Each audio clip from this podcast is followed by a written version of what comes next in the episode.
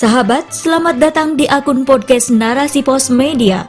Saya Mai Rohmah, inilah rubrik Opini. Kala Sang Kades Menggugat Ditulis oleh Sartina Tim penulis inti narasipos.com Ribuan kepala desa se-Indonesia mendatangi ibu kota dan melakukan aksi unjuk rasa di gedung DPR RI pada Selasa 17 Januari 2023. Dalam aksi tersebut, mereka terang-terangan meminta agar pasal 39 Undang-Undang Nomor 6 Tahun 2014 tentang desa diganti, yakni tentang jabatan kades dari 6 tahun menjadi 9 tahun. Bahkan, para kepala desa di berbagai daerah sampai mengancam akan menggemboskan suara partai politik di desa pada pemilu 2024 jika tuntutan tersebut tidak digolkan. Gayung pun bersambut, wacana perpanjangan jabatan kades banyak diaminkan oleh para politisi negeri ini, di antaranya dari politikus PKB yang sekaligus menjabat sebagai anggota Komisi 2 DPR RI Muhammad Toha. Secara pribadi, Toha menyetujui permintaan para kades untuk memperpanjang masa jabatannya. Setali tiga uang, Ketua DPP PDI Perjuangan, Said Abdullah pun mengatakan partainya memberikan dukungan penuh dan akan mendorong revisi ketentuan yang mengatur masa jabatan Kades. Tak sampai di sana, lampu hijau perpanjangan jabatan Kades rupanya juga diberikan oleh orang nomor satu negeri ini, yakni Presiden Joko Widodo.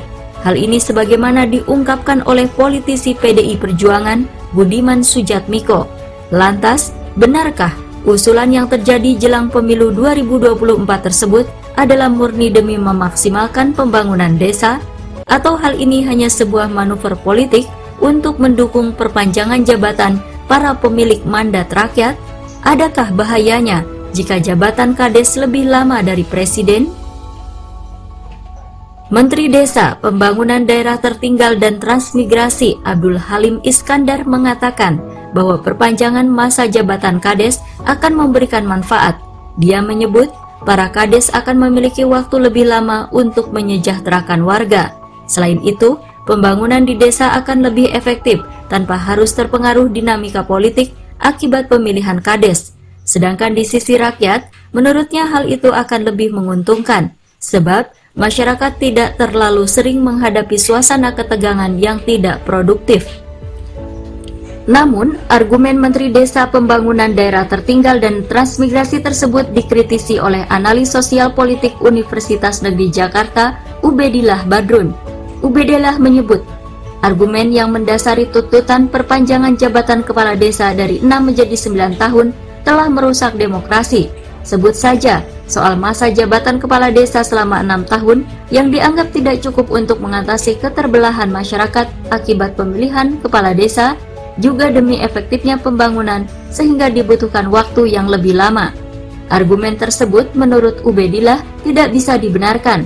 Pasalnya, enam tahun merupakan waktu yang cukup untuk melaksanakan program-program desa. Enam tahun juga waktu yang sangat lama bagi Kades untuk memerintah desa, di mana jumlah penduduknya hanya sekitar puluhan ribu saja. Karena itu, problem utamanya bukanlah terletak pada kurangnya waktu, tetapi minimnya kemampuan dalam hal kepemimpinan seorang kepala desa. Artinya, meskipun jabatannya diperpanjang sampai 9 tahun, jika masalah pokoknya tidak diatasi, maka kepala desa tetap tidak mampu menjalankan program-programnya dengan baik. Jadi, Solusi bagi permasalahan di desa bukanlah dengan memperpanjang jabatan.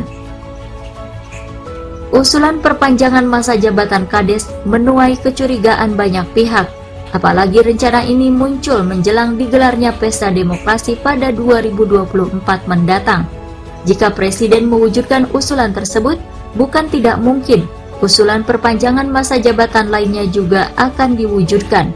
Publik tentu belum lupa Jauh sebelum usulan ini mengemuka, wacana perpanjangan masa jabatan presiden juga pernah digulirkan dengan nama penundaan pemilu. Ini tentu berbahaya dan mencederai demokrasi negeri ini. Bahaya tersebut tak hanya terjadi pada perpanjangan masa jabatan presiden ataupun kepala daerah, tetapi juga bagi jabatan kepala desa. Berikut beberapa di antara bahayanya. Pertama, jika perpanjangan masa jabatan kades sampai disetujui tanpa mengubah ketentuan yang dapat membuat kades menjabat selama tiga periode, maka seorang kades bisa menjabat lebih dari seperempat abad atau 27 tahun. Padahal, perpanjangan masa jabatan apa pun, baik presiden, gubernur, maupun kepala desa, membuat mereka menjadi raja yang bersifat tidak ingin dikontrol. Kedua, sebagaimana diketahui, Dana yang dikelola desa setiap tahunnya ada sekitar 1 miliar. Jika usulan ini diterima, maka ada dana sekitar 9 miliar rupiah yang akan dikelola oleh kepala desa. Uang sebesar itu sangat rawan penyalahgunaannya karena dikelola oleh orang yang sama dalam waktu yang lama. Sebelum usulan ini bergulir saja, tidak sedikit kepala desa yang terjerat kasus korupsi. Mengutip data KPK dari tahun 2012 sampai dengan 2021 saja, sudah tercatat ada 601 kasus korupsi dana desa di negeri ini. Dari total tersebut, sebanyak 686 kasus menjerat kepala desa. Maka bisa dibayangkan jika jabatan tersebut diperpanjang menjadi 9 tahun, bukankah potensi korupsinya lebih besar? Ketiga, usulan perpanjangan jabatan kades dapat dianggap sebagai jalan legal memuluskan penguatan oligarki semata, meski dengan skala yang lebih kecil, tetapi memiliki fungsi dan peran yang sama. Misalnya saja, untuk desa yang masuk dalam zona industri, maka oligarki desalah yang akan mendapatkan SK-SK pengelolaan limbah dari pabrik yang ada di desa tersebut. Walhasil, makin lama mereka berkuasa, makin kuat pula kedudukannya di desa tersebut. Bukankah hal ini telah mengangkangi kelangsungan demokrasi yang selama ini dijunjung tinggi? Keempat, dengan durasi jabatan 9 tahun yang periodisasinya sampai tiga kali, maka biaya pilkades berpotensi membengkak. Sudah menjadi rahasia umum bahwa proses pemilihan di sistem demokrasi rawan disusupi serangan fajar. Ini bukan hanya terjadi saat pemilihan presiden dan kepala daerah saja, tetapi terjadi pula di desa-desa. Dan seorang calon kades bisa menghabiskan puluhan, ratusan, bahkan miliaran uang untuk duduk di kursi nomor satu desa tersebut. Maka, bayangkan saja jika masa jabatannya sampai 9 tahun, orang akan berlomba memenangkan kontestasi dengan segala cara. Di sisi lain, orang yang memiliki potensi di desa tersebut akan kesulitan bersaing karena ketidakmampuan ekonominya. Inilah sejatinya buah dari penerapan sistem demokrasi kapitalisme yang mengandalkan aturan manusia. Demokrasi yang sudah cacat sejak lahir tentu akan melahirkan berbagai kerusakan turunan lainnya. Padahal, menafikan aturan Tuhan sangat berpotensi membuat para pemegang amanah menjadi sewenang-wenang dalam mengurus rakyatnya. Sebab, perkara halal tak menjadi pertimbangan, haram pun bukanlah halangan, semua demi satu tujuan, yakni kekuasaan. Pada fitrahnya, manusia adalah makhluk yang lemah, serba kurang dan butuh aturan yang berasal dari Sang Pencipta. Tanpa aturan yang berasal dari hukum syariat, maka manusia cenderung merusak. Lihat saja berapa besar kerusakan yang ditimbulkan oleh manusia, baik dalam perilaku maupun aturan yang dibuatnya. Salah satu kerusakan itu terlihat saat manusia diberi mandat untuk mengurusi rakyat.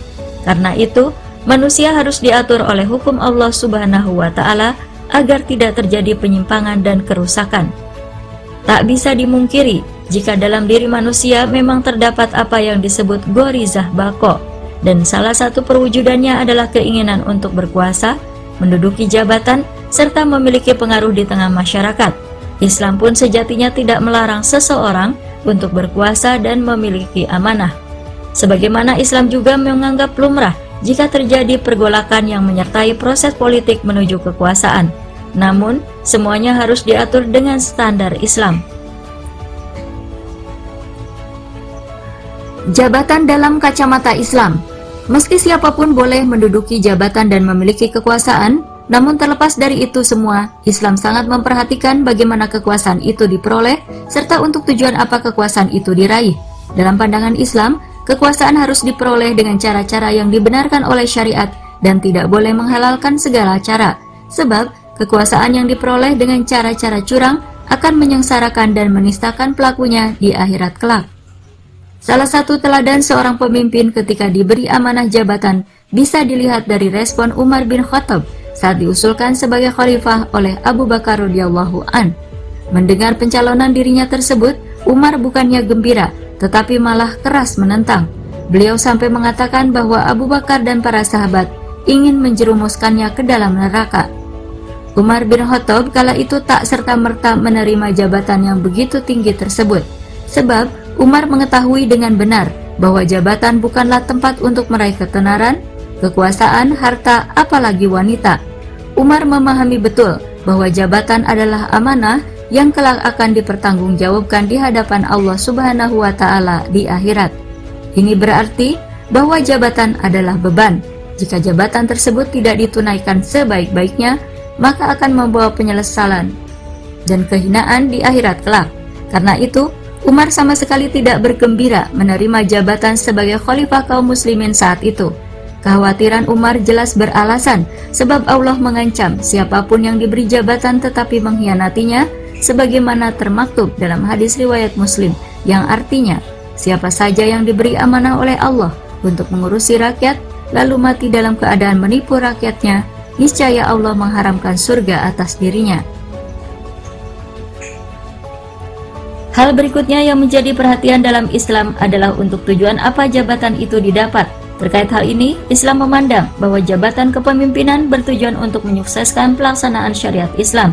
Sebab, penerapan syariat Islam di tengah masyarakat memang butuh kepemimpinan. Tanpa kepemimpinan, maka syariat Islam hanya sebatas teori tanpa aplikasi. Sebaliknya, sebuah kepemimpinan tanpa melibatkan syariat maka akan kehilangan arah karena itu pula, Islam mewajibkan setiap muslim untuk taat pada pemimpin yang menaati syariat. Satu hal yang menarik, kepemimpinan dalam Islam bisa tetap dipegang tanpa terhalang oleh batasan tahun, selama para pejabatnya tidak menyimpang dari hukum syara. Meski demikian, seorang pejabat pemegang amanah rakyat tetap dikontrol dari pusat dan mewajibkan adanya iman pada setiap individu pejabat. Faktor keimanan inilah yang membuat para pejabat maupun penguasa menunaikan amanahnya dengan baik, semata-mata demi mengharap keridoan Allah Subhanahu wa Ta'ala. Jelas pula bahwa dalam kepemimpinan dalam Islam bukan menjadi ajang perlombaan para politikus untuk menduduki kursi kekuasaan.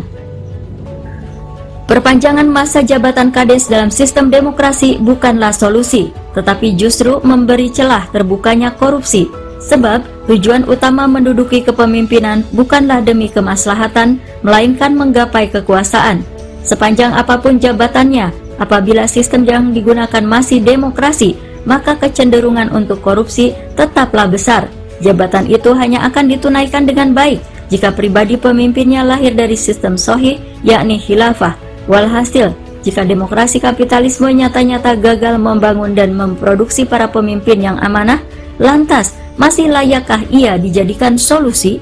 Wallahu a'lam.